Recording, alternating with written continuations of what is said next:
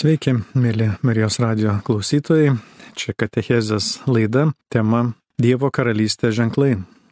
Ja vedu aš, kunigas Rytis Gurkšnys. Dėkoju, kad klausotės.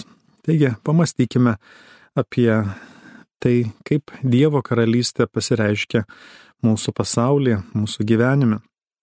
Šventasis raštas sako, atėjo įvykdymo metas, Dievo karalystė čia pat, atsiverskite ir tikėkite Evangeliją. Tai Jėzaus žodžiai iš Morkaus Evangelijos pirmos kiriaus penkioliktos eilutės. Šiais žodžiais Jėzus kelbė, kad Dievo karalystė yra visose mūsų gyvenimo srityse. Ji pasireiškia mūsų mintise, mūsų tiksluose, mūsų veikloje, finansuose, sveikatoje, santykiuose. Mes dažnai mastome, kad Dievui rūpi tik tam tikri dalykai. Dažniausiai jį kreipiamės, kai mums labai sunku, kai sergame ar mūsų artimą žmogų paliečia lyga. Mes skubame melstis ir prašyti jį pagalbos šioje sunkioje situacijoje. Tačiau jam rūpi kiekviena mūsų gyvenimo sritis. Jis nori, kad daugiau nuveiktume darbo vietoje, savo įmonėje, organizacijoje, įstaigoje. Jis nori, kad ir vairuodami gatvėje ir rinkdamiesi prekes parduotuvėje padarytume teisingus pasirinkimus. Jam rūpi, kad vaikų auklėjimas padėtų aukti jų asmenybėms. Jam rūpi, kad ir jūsų darbo vietoje visa veikla vyktų sėkmingai. Jis nori pakilėti jūs kiekvienoje gyvenimo srityje. Vienas krepšininkas, puikus žaidėjas, pasakojo, kad prieš kiekvienas varžybas meldžiasi, užmerkė akis, kelis kartus įkvėpė ir iškvėpė, prašydamas Dievo palaiminimo ir priimdamas jį. Žinoma, net ir po tokios maldos jis patiria traumų ir pralaimėjimų, bet malda jam padeda dar labiau išnaudoti talentus. Jis meldžiasi sakydamas, Dieve, man reikia tavęs, tu esi mano viešpats ir mano vadovas, dėkoju, kad esi visada su manimi. Tokia malda jis atveria savo širdį, savo mintis ir veiksmus Dievo palaimai. Jis žino, kad turi talentų, kurie padeda jam puikiai žaisti, tačiau jis kartoja, Dieve, dėkoju už tavo talentus, už tavo jėgas, už tavo ištvermę, už tavo gerumą, už tavo palaimą.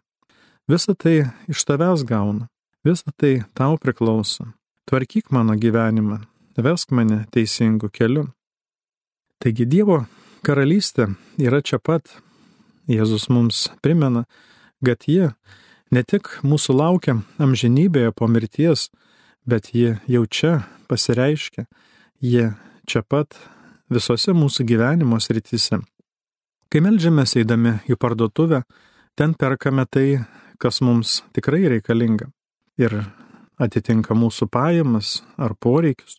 Kai melžiamės prieš susitikdami su savo klientais, su savo darbuotojais ar vadovais, mes pasirenkame pačius geriausius žodžius, sprendimus.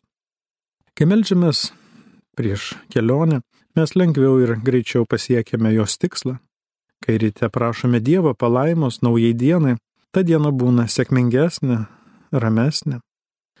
Kai dėkojame jam darydami trumpas kelių minučių pertraukas darbo metu savo darbo vietoje, mes padarome daugiau gerų sprendimų, lengviau veikiame sunkumus, dažniau būname tinkamoje vietoje tinkamu laiku.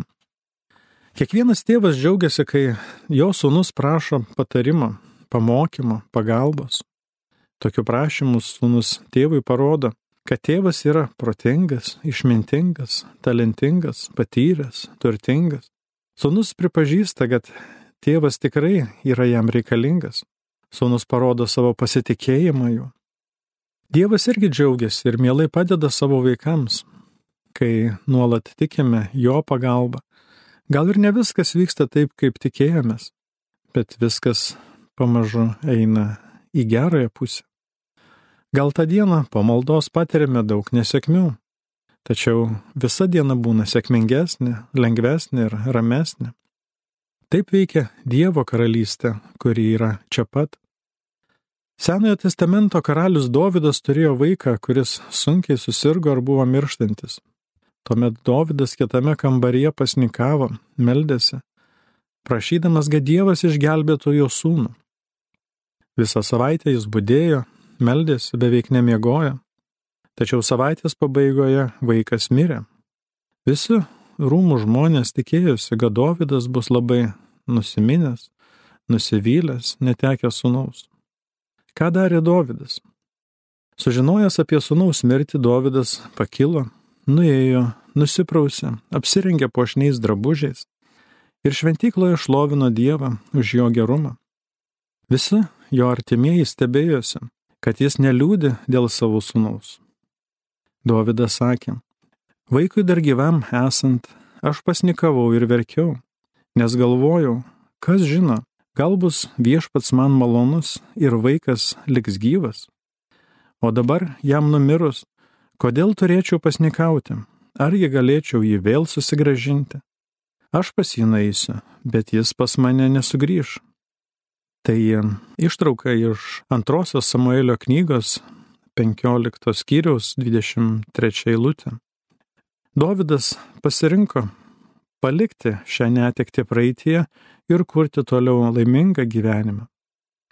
Kai mums nesiseka, kai patiriame nesėkmes, mums lengviau jas priimti, pakelti, išvelgti naujas galimybės, tuomet, kai pripažįstame, kad Dievas viską nuostabiai tvarko.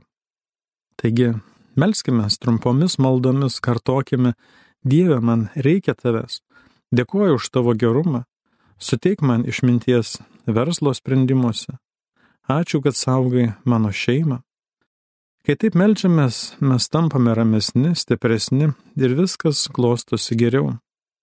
Melskime kuo dažniau kasdien, kalbėkime su Dievu. Jo karalystė yra mūsų šeimose, mūsų darbo vietose, mūsų banko sąskaitose, mūsų sveikatoje. Skirkime jam daugiau vietos. Tuomet jis ves mus į tas vietas, kur net nesvajojame būti. Jis laimins mūsų pastangas savo sėkme ir ves mus pačiu geriausiu gyvenimo keliu. Taigi, Dievo karalystė yra čia pat, apie tai mums dažnai primena Jėzus. Ir ji pasireiškia visose mūsų gyvenimo srityse. Dievo karalystė pasireiškia ypatingai, kai mes klausome Dievo žodžio. Dievo žodyje slypi gale, kai mes paklūstame Dievo balsui, jo vedimui. Jis daro stebuklus mūsų gyvenime. Taigi, Dievo karalystės ženklai yra stebuklai, kurie kasdien vyksta, mažesni ir didesni stebuklai. Kai mes tikime Dievo žodžio gale, kai leidžiame jam veikti, ta Dievo žodžio gale daro stebuklus. Taigi Dievo karalystė tampa matoma per stebuklus. Jėzus kartą atėjo prie savo mokinių ir prašė užmesti tinklus. Bet Simonas jam atsakė, mokytojau, mes keurą naktį vargę nieko nesugavome, bet dėl tavo žodžio užmesiu tinklus. Tai pasakojama Evangelijoje pagal Luką, penktos kiriaus penktą eilutę. Šiandien mes mastome apie tai, kaip Dievo karalystė veikia per stebuklus, kaip ji pasireiškia matomais ženklais. Apaštalai patyrė nesėkmę žvejyboje, nes visą naktį vargę nieko nepagavo. Panašiai ir mes patiriame nesėkmes, netiktis, neišsipildžiusias svajones. Visi patiriame sunkius laikotarpius.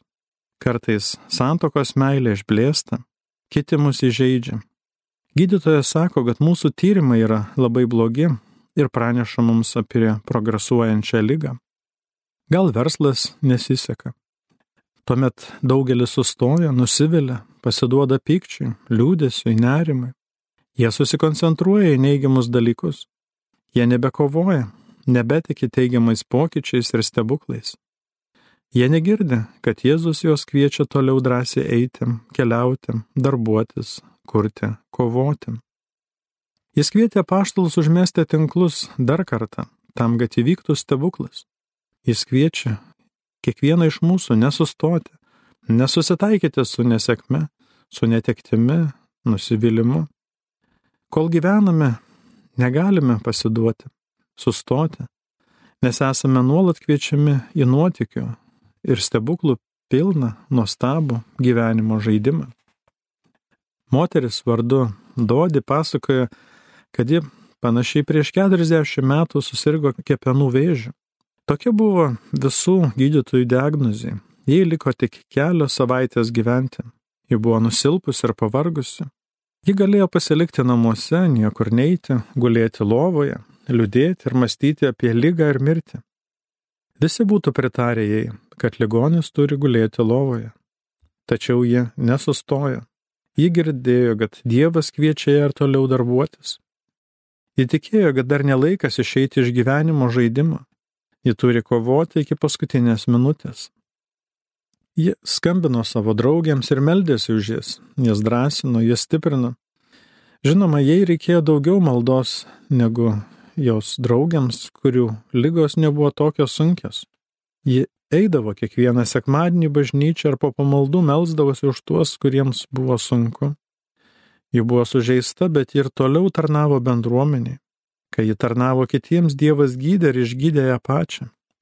Šiandien ji kiekvieną sekmanį išlovina viešpatį savo bažnyčiai.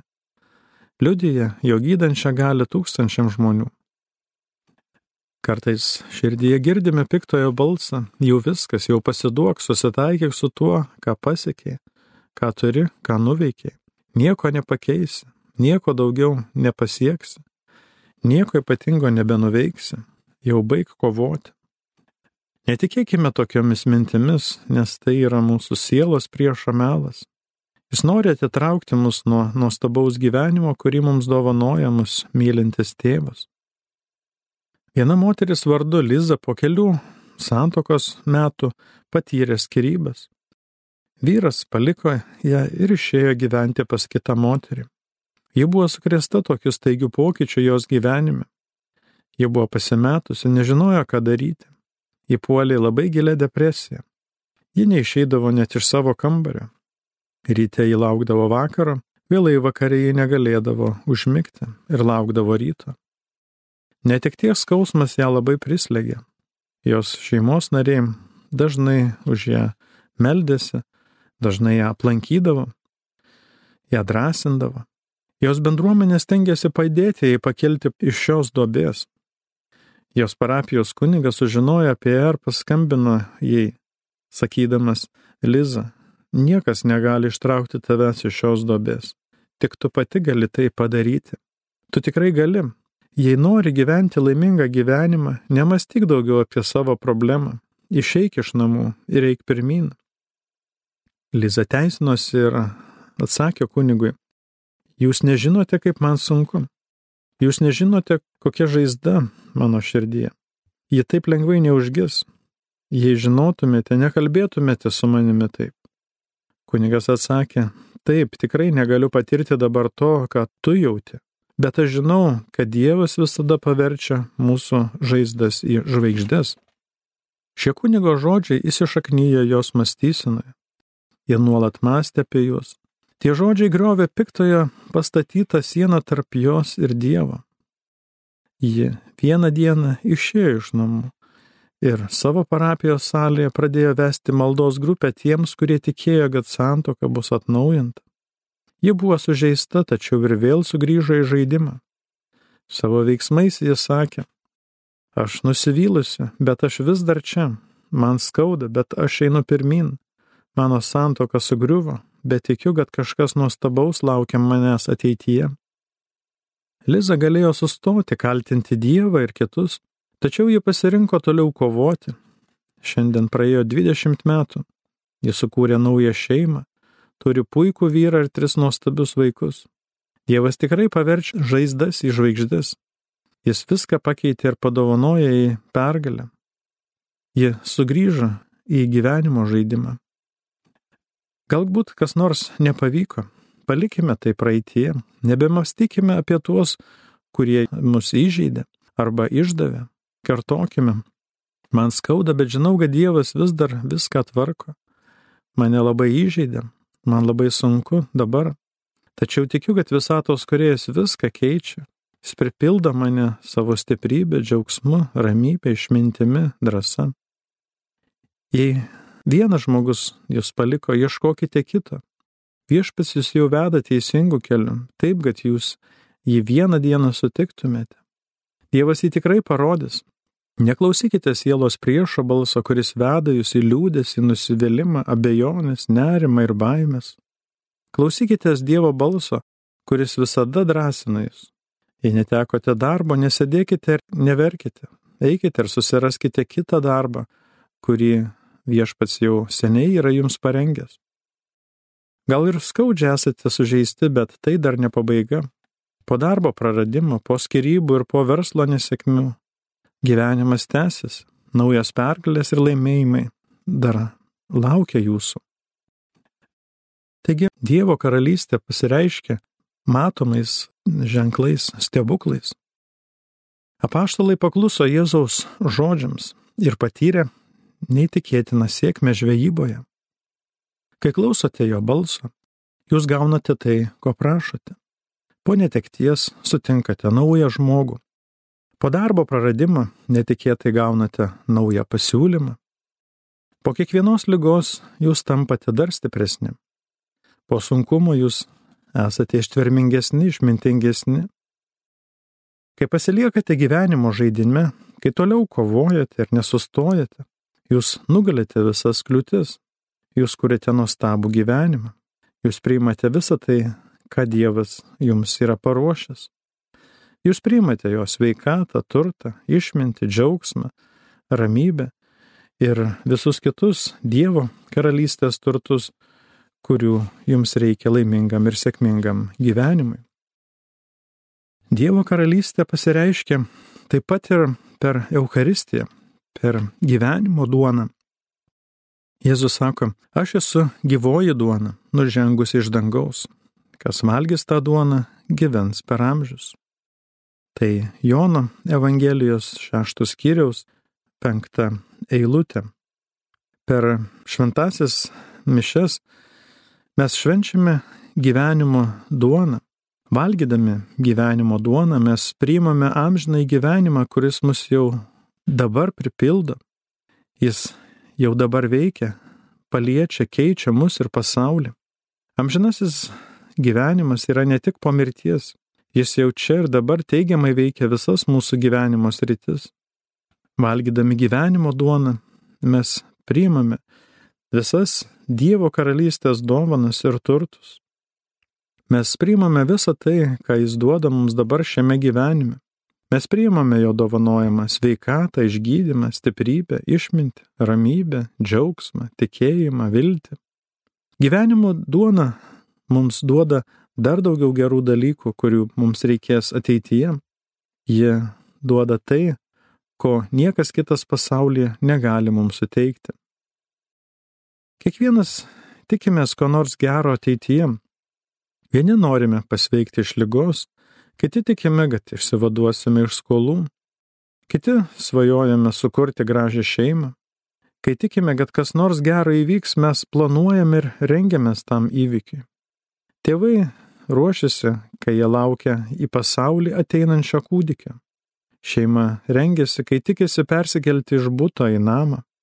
Įmonė planuoja, kaip investuos uždirbtą pelną.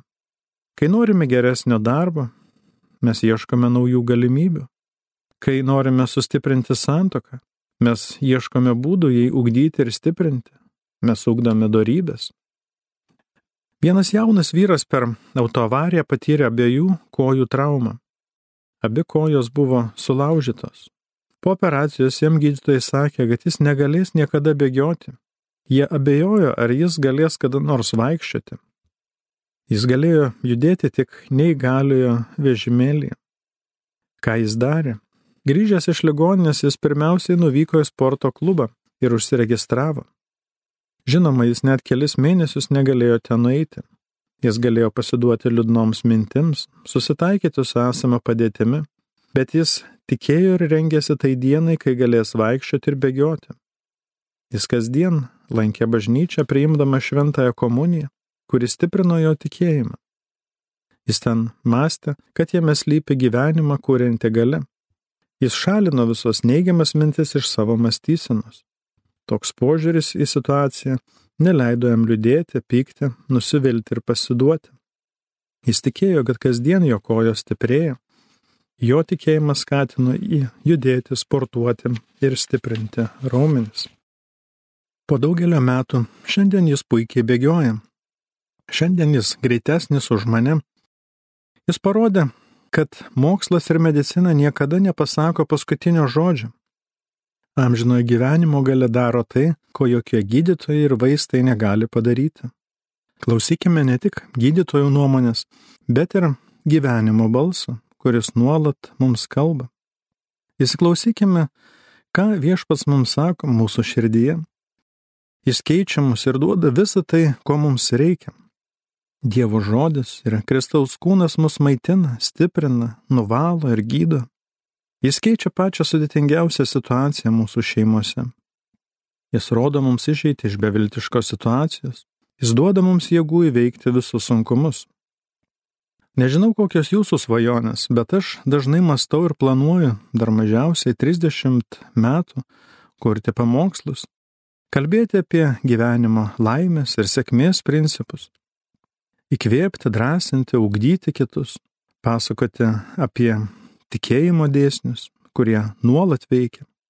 Planuoju dar 30 metų stiprinti kitų tikėjimą, toliau kurti mokymus, kurie dar labiau uždegtų pasaulį tikėjimą. Neplanuoju 10 paskutinių metų lygotos senatvės, planuoju puikiai atrodyti, planuoju toliau sakyti anegdotus ir gyventi sveiką, turtingą, linksmą ir visokių malonių kupiną gyvenimą. Dievo karalystė pasireiškia matomai ženklais. Ji veikia, kai mes priimame gyvenimo duoną, Euharistiją, kai dalyvaujame šventosiuose mišiuose, kurie yra galingiausia mūsų krikščionių malda. Visokios nelaimės ir lygos pasitaiko net ir tikintiems žmonėms. Bet krikščionis negali planuoti skurdaus ir vargingo gyvenimo. Niekada neplanuokime pralaimėjimo. Neplanuokime invalido gyvenimo, vienišo senatvės, sunkių lygų ir skausmą. Mes nesame kaip visi, mes tikime gyvenimo duoną, ją priimame ir per ją priimame ir Jėzui savo širdį, jo karalystės turtus. Įsiklausykime į jo balsą, mūsų širdyje, kai priimame Kristaus kūną ir kraują, kurį kiekvieną sekmadienį garbiname pamaldų metu, jis pripildo visą mūsų gyvenimą savo gale. Kai sunku gyvenime kartokime, Dieve dėkoju, kad darbuojasi mano gyvenime. Tikiu, kad viskas keičiasi mano geroviai. Kai taip gyvename, kai taip mastome, mes tikrai esame sveiki, kūrybingi, aštraus mąstymo, stiprus, laimingi iki patos dienos, kai viešpats mus pasišauks namo. Savo tikėjimo mes atveriame savo širdis gausioms malonėms, kurios mūsų laukia ateityje. Dievo karalystės ženklai pasireiškia ir per ramybę, kurios niekas pasaulyje negali mums duoti. Jėzus sako, aš palieku jums ramybę, duodu jums savo ramybę. Ne taip aš ją duodu, kaip duoda pasaulis. Te nebūkštauja jūsų širdis ir te neliūdė. Šiandien katechezės laidoje mes mastome apie Dievo karalystės ženklus pasaulyje. Taigi, ramybė yra dar vienas Dievo karalystės ženklas. Visi patiriame tokių situacijų, kurios sukelia mums nerimą. Mes jaučiamės nuliūdę, nusivylę, pasimetę, įsižeidę. Gal kas nors neteisingai elgesi su mumis, negerbė mūsų. Mes kovojame su kokia nors lyga. Koks nors projektas užsitęsia daugiau, negu mes planavome. Niekas nėra apsaugotas nuo iššūkių ir nesklandumų. Kiekvieną žmogų ištinka įvairūs sunkumai, lygos, netektis, nesėkmės. Tačiau visi galime išlikti ramus net ir sunkiu metu.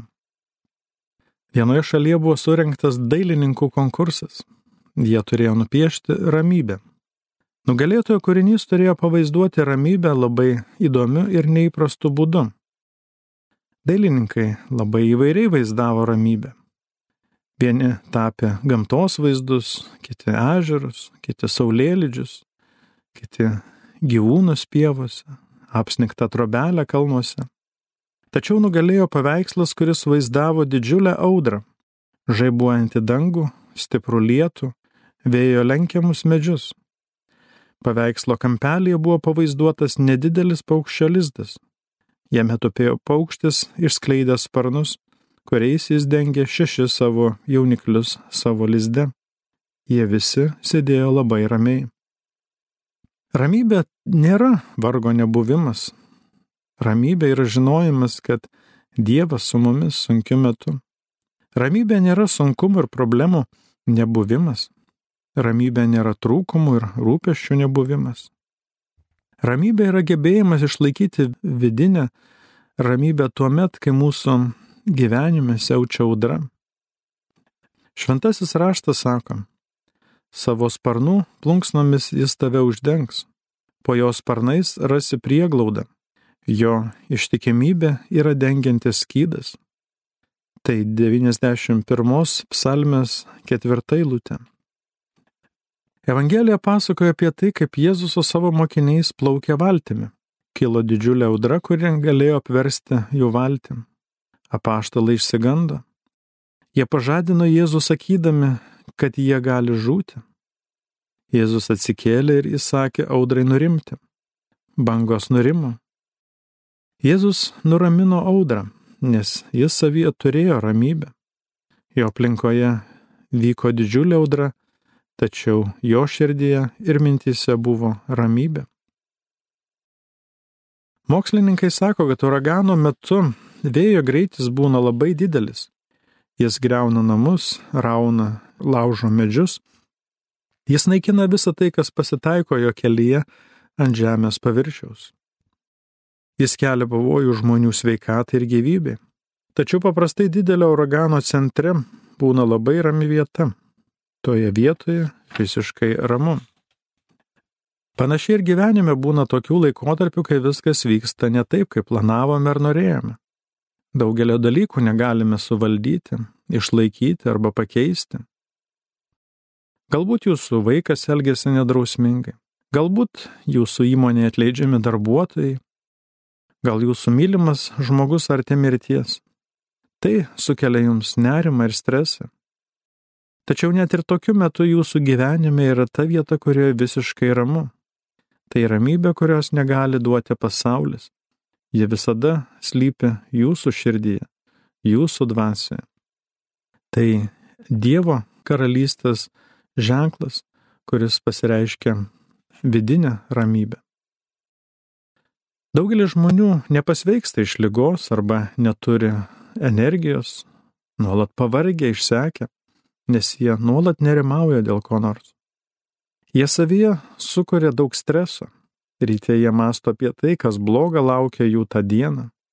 Vakarė jie masto vien apie tai, kas nepasisekė, kokias klaidas padarė, kokį neteisingumą patyrė. Nerimaudami jie švaisto savo energiją. Tai silpnina jų jėgas, kūrybingumą, tikėjimą. Jie negali puikiai atlikti savo darbų, jie daro daug daugiau klaidų ir blogų sprendimų. Nerimas alina jų imuninę sistemą. Jis trukdo jų organizmui kovoti su vyriomis lygomis. Daugelis dalykų gali sukelti nerimą. Kartais mastome, ar užteks pinigų apmokėti visoms savo sąskaitoms. Mastome apie tai, kad dar maži vaikai ir juos reikės dar ilgai auginti. Tuomet išorinio pasaulio skubėjimas ir stresas pripildo jūsų vidinį pasaulį. Jūs jaučiate nuolatinį spaudimą iš išorės. Tačiau net ir tokiu metu galite išlikti ramus. Jūs galite neleisti stresų pripildyti jūsų dvasios, širdies, mąstysenos. Prisiminkite, kad Dievas laiko jūs savo rankoje. Niekas pasaulyje negali jūsų įveikti arba nugalėti. Jūs galite išlaikyti ramybę. Jūs galite išlaikyti ramybę, kuri gerina savijautą, santykius ir sveikatą. Jūs galite darbuotis tokioje vietoje, kur žmonės jūs apkalba, švaisto laiką, dirba plaidžiai. Jūsų mokykloje arba universitete galbūt jūs žemina arba negerbė. Galbūt namuose auginate netvarkingą ar nemandagų vaiką. Ir tai sukelia jums nerimą ir stresą. Kai neleidžiate išorės pasaulio negatyvumui patekti jūsų širdį, jūs išlaikote ramybę ar džiaugsmą. Jūs neleidžiate liūdėsiai, nusivylimui, nuoskaudoms įsišaknyti jūsų mintise. Jūs neleidžiate, kad išorinė audra patektų jūsų vidų. Kai neleidžiate, kad išorinės aplinkybės valdytų jūsų mąstyseną ir elgseną, jūs išlaikote ramybę bet kokiu sunkiu metu.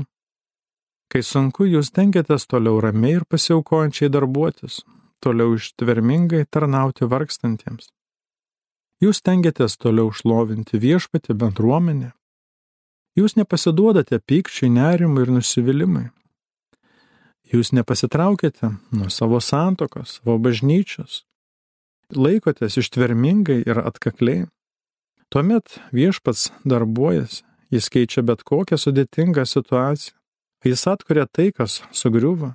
Jis suteikia naujų dalykų ir žmonių už tai, ko netekote.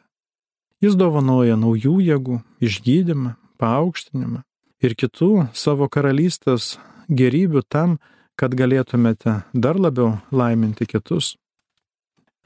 Šioje katechezės laidoje mąstome apie Dievo karalystės ženklus mūsų pasaulyje. Dievo karalystė pasireiškia taip pat per tikėjimą. Kai tikime Dievo neribotą meilės gale, Kai tikime, kad jam viskas yra įmanoma, kai tikime, kad jis čia ir dabar darbuojasi, veda mus pačiu geriausiu keliu, mes savo tikėjimu leidžiame Dievo karalystį dar labiau pasireikšti. Pranašas Jeremijas sako, laimingas žmogus, kuris Dievu pasikliauja ir visko iš viešpaties vilės. Tai pranašo Jeremijo knygos 17 skyriaus 7 eilutė. Esame laimingi, kai pasikliaujame Dievu ir tikimės iš jo viso to, ko mums labiausia reikia. Kai pasitikime juo, mes patirime laimę, sėkmę, džiaugsmą, ramybę. Kai tikime jo gerumu ir gale, mes atskleidžiame kurėjo mums duotą galę. Kartai žmonės klausia manęs, ryti, tu visada toks pozityvus, optimistiškas ir laimingas. Ar tu nepatiri nesėkmių, liūdėsio, nusivylimų, baimės, nerimo akimirkų? Žinoma, kaip ir visi, aš irgi patiriu ir sunkių bei tamsių valandų. Tačiau aš nepasilieku su jomis ilgai. Stengiuosi, kad jos neįsišaknytų mano mąstysenoje ir elgsenoje. Aš nuolat šalinu tą kabutėse šlamštą iš savęs. Aš išmetu neigiamas mintis iš savo mąstysenos. Kai norite išmokti važiuoti dviračiu, vairuoti automobilį judriuose miesto gatvėse, išmokti kinų kalbą, jūs tikite, kad galite padaryti taip.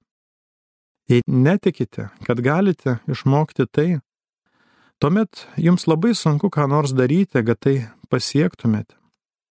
Kai tikite, kad galite tai pasiekti, jūs einate pas mokytojus, lankote pamokas, bandote, klystate, vėl dirbate, kartojate tam tikrus veiksmus ar žodžius. Jūsų tikėjimas įkvepia, motivuoja, stiprina jūs, jis skatina jūs veikti. Kartą stebėjau mergaitę, kuri mokėsi plaukti. Ji laikėsi viena ranka už baseino krašto, kita ranka ji bandė išsilaikyti vandenyje. Ji trumpam paleisdavo savo ranką nuo baseino krašto ir vėl greitai įsikipdavo į jį. Ji kartojo tokius judesius daug kartų. Ji vis ilgiau ir ilgiau pasilikdavo vandenyje, nesilaikydama baseino krašto. Ji dar nemokėjo visų plaukimui reikalingų judesių, ji neturėjo reikiamų įgūdžių, tačiau ji turėjo tikėjimą, kad ji gali plaukti. Ji tikėjo, kad gali išsilaikyti vandenyje, neįsikibusi į baseino kraštą Jos tikėjimas padėjo jį mokytis. Tikėjimas padeda mums pasiekti tai, ko trokštame, nes jis skatina mūsų veiksmus, kuriais viską sukūrėme. Kai sergate sunkia lyga, jums labai sunku pasveikti, jei manote, kad jokie gydytojai, vaistai ar terapija negali išgydyti, kad jūs jau viską išbandėte. Atlikti tyrimai patvirtina, kad daugiau tikimybės pasveikti turi tas, kuris labai nori gyventi, negu tas, kuris jau nebetikė, kad gali pasveikti. Greičiau ir lengviau pasveiksta tas, kuris turi teisingą nusiteikimą, tikėjimą ir viltį. Visi gamtos reiškiniai visų gyvūnų veikla. Visi žmonių santykiai vyksta pagal tam tikrus dėsnius. Viskas juda, keičiasi, auga, taip kaip kurėjo sudėliota. Kasdien galime pastebėti labai daug gerumo, grožio ir kitų nuostabių dalykų savyje, kituose, gamtoje, pasaulyje, visatoje. Kasdien galime pastebėti daug dieviškumo aplink mus. Sakoma, kad apie 99 procentus tikrovės mes negalime nei paliesti, nei pamatyti, nei išgirsti, nei užuosti. Apie 99 procentai to, kas mes esame, yra nepaliečiama, nematoma, negirdima, neužuodžiama. Visa tai yra už mūsų pojūčių ribų. Tai nėra smegenų lastelės, tai nėra mūsų kūnas. Mokslininkai tvirtina, kad viso žmogaus lastelės atsinaujina ir visiškai pasikeičia per septynis metus. Tikrai nebeturime nei vienos kūno lastelės, kurią turėjome būdami trejų metų amžiaus, kai buvome 13 ar 30 metų. Dabar atrodome visiškai kitaip. Mūsų kūno turinys visiškai pasikeitė. Jis visiškai naujas. Išliko tik tam tikros jo formos ir linijos. Kai jūs mėtote kamulį į krepšį, jūs atliekate fizinius pratimus, treniruojate savo fizinius raumenis. Taip pat galite treniruoti ir mąstysenos kabutėse raumenis. Vaizduotės treniravimas yra protiniai pratimai. Kai įsivaizduojate tai, kad jūs sėkmingai pasiekite, ką nors jūs mastote, kad galite padaryti tai, ko siekite. Jūs pasitikite Dievo gale ir gerumu. Kai ieškote mėgstamo darbo, jūs nemastote apie darbą, kurio nenorite. Jūs mastote apie tai, ką jūs mėgstate daryti. Jūsų vaizduotė skatina jūs atlikti reikiamus veiksmus ir žingsnius, kurie veda jūs į siekiamą tikslą. Jūs galite viską pakeisti ir padaryti tobulai, nes jūsų mintis leidžia jums tai padaryti. Kūrybinė vaizduotės gale padeda jums sukurti kiekvieną jūsų įsivaizduojamą dalyką. Ji stiprina pasitikėjimą Dievu.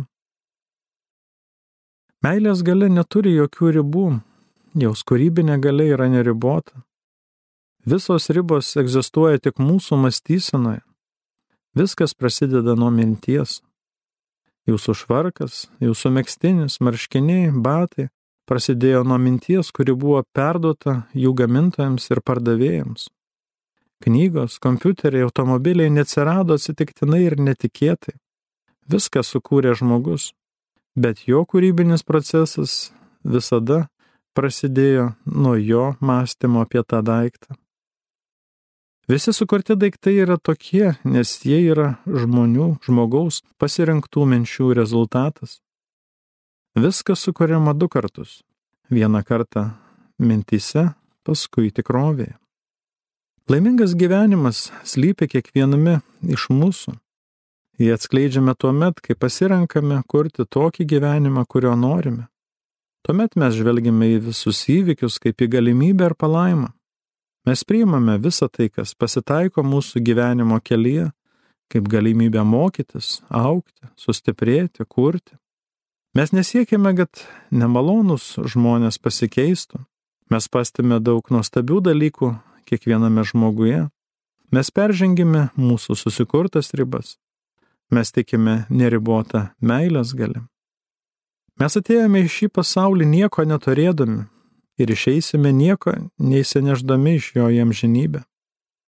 Išeiname tokie patys, kokie ir atėjome čia. Atėjome čia ir gavome visą tai, ko mums reikia laimingam gyvenimui. Esame pasaulyje tam, kad gerai praleistume laiką jame. Esame sukurti gerėtis tuo, ką turime, ką gavome, ką sukūrėme, kur esame, ką darome. Kai gėrimės tuo, ką turime, mes gauname viso to dar daugiau. Laimingas žmogus masto ne apie tai, ko jam trūksta, ko neturi. Jis žino, kad jis turi viską, to, ko jam reikia. Dievo karalystės ženklai veikia visose mūsų gyvenimo srityse ir dovanoja visą tai, ko mums reikia sveikam, ilgam, turtingam, sėkmingam ir laimingam gyvenimui. Dievo karalystė pasireiškia taip pat per mūsų gerus darbus. Jėzus sako, taip te šviečia ir jūsų šviesa žmonių akivaizdoje, kad jie matytų jūsų gerus darbus ir šlovintų jūsų tėvą danguje. Tai mato Evangelijos 5 skyriaus 16 eilutė. Mūsų geri darbai daro teigiamą įtaką mums ir kitiems. Kasdien mes sutinkame žmonių, kurie nusivylę, nuliūdę, skaudinti. Daugelį vargina baimės, nerimas, liudesys. Visi jie laukia ne mūsų patarimų, pamokymų, kritikos. Jie laukia mūsų meilės, mūsų padrasinimo, mūsų dėmesio. Kasdien turime labai daug galimybių juos laiminti.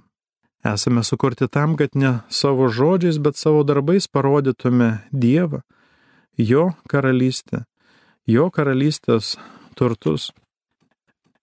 Vienas labai turtingas žmogus turėjo turto, kuris siekia keletą milijardų eurų. Jo įkurtas verslas buvo labai sėkmingas, nes augo nuo mažos įmonės iki didžiulės tarptautinės kompanijos. Būdamas labai turtingas, jis ir toliau kiekvieną sekmadienį patarnaudavo savo bažnyčioje. Vėliau jis pastatė rekolekcijų namus. Į tuos namus jis kvietė atvykti tas sutoktinių poras, kuriems reikėjo atsinaujinimo, atgaivos, ramybės. Ten jis pats dažnai apsistodavo. Vieną dieną jis ten turėjo darbuotis, nes tų namų administratorė, būdėjusi prie įėjimo, susirgo. Ta diena jis pats pasitiko lankytojų porą, juos užregistravo, padavė raktus, padėjo nunešti lagaminus į antrą aukštą. Ta jauna pora pagalvojo, kad jis namų tvarkytojas atsakingas už klientų aptarnavimą, jam įteikė 2 eurus arbatpinigių. Jie nežinojo, kad juos aptarnavo vienas turtingiausių šalies žmonių. Žinoma, jis galėjo prisistatyti jiems kaip tų namų savininkas. Tačiau jis pasirinko nuolankaus patarnautojo vietą ir nuoširdžiai atliko paprastus darbus. Kai tarnaujame kitiems, mes tarnaujame Dievui ir rodome Dievo karalystę šiame pasaulyje. Tai, ką darome dėl kitų, mes darome Dievui. Darydami gerą kitiems, mes patys gauname dar daugiau palaimo savo. Jis mato, ką darome dėl kitų. Jis mato, kaip važiuojame į oro uostą pasitikti atvykstančio svečio. Jis mato, kaip patarnaujame bažnyčios chore, jaunimo ar šeimų grupėje. Jis mato, kad pasiliekate darbę ilgiau tam, kad padėtumėte naujam bendradarbiui. Niekas nelieka nepastebėta.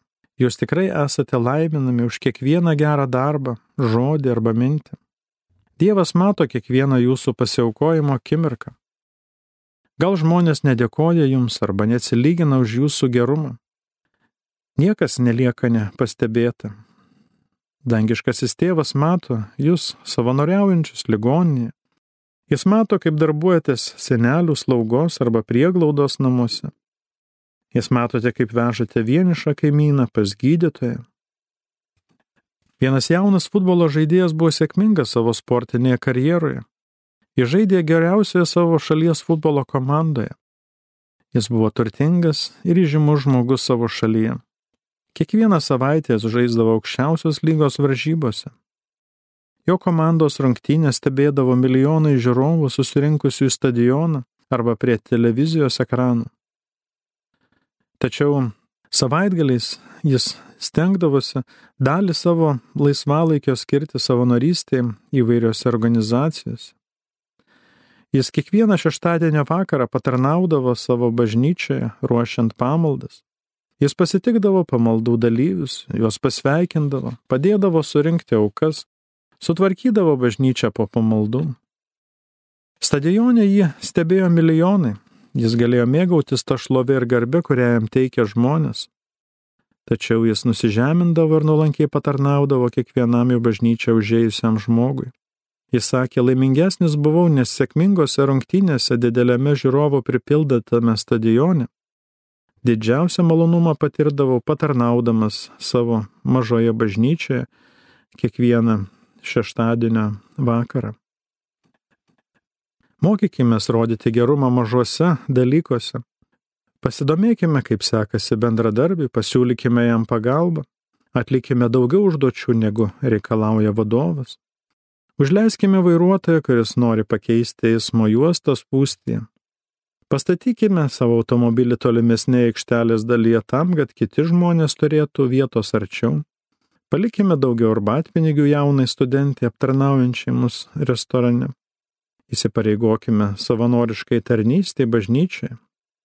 Ieškokime galimybių patarnauti kitiems, darykime gerą. Taip gyvendami mes rodysime pasaulį Dievo karalystę, Dievo garbę ir šlovę. Ir tie geri darbai ne tik rodys švies žmonėms kelią pas viešpatį, bet ir mums suteiks dar daugiau sveikatos, stiprybės, ištvermės, kantrybės, tikėjimo, vilties, meilės, džiaugsmo, kitų malonių.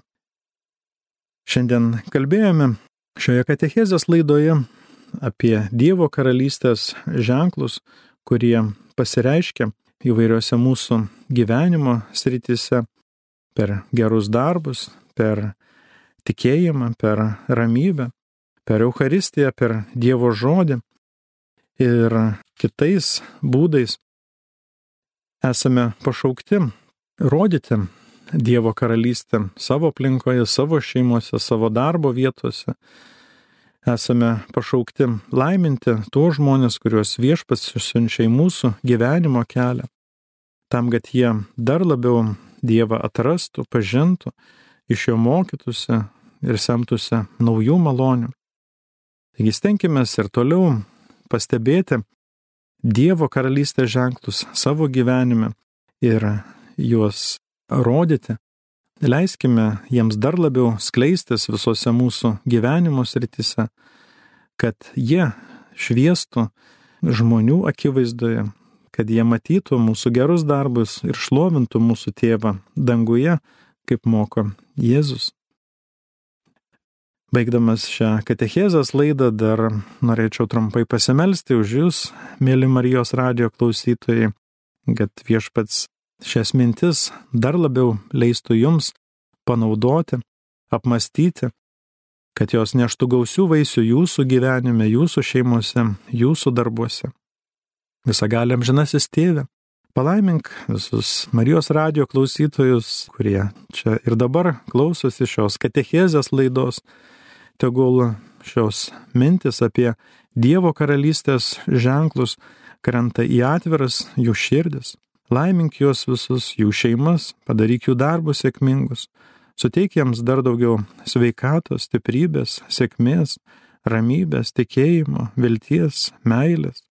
Viešpatė, tikime, kad tu čia ir dabar darbuojasi mūsų gyvenime, Tu esi stipresnis už bet kokias ligas, už bet kokį vėžį, depresiją, nusivylimą, liūdėsi, už bet kokias silpnybės, priklausomybės, trūkumus mūsų gyvenime. Viešpatie tikime, kad tu vedi mus pačiu geriausiu keliu, tau viskas yra įmanoma.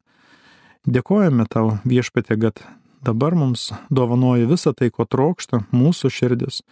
Padėk mums dar labiau atpažinti tavo karalystės ženklus, juos rodyti savo gyvenimą, leisti Dievo karalystė dar labiau pasireikšti mūsų pasaulyje, kiekvieno žmogaus gyvenime.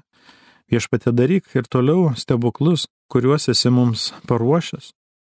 Nes tu mus myli, tu mus laimini, globoji, vedi pačiu geriausiu keliu. Tu nori, kad mūsų džiaugsmai nieko netrūktų. Viešpatė dėkojame už visą tai, kad tu jau mums dovanoji praeitie ir už visą tai, ką dar esi mums paruošęs ateityje per Kristų mūsų viešpatė. Amen.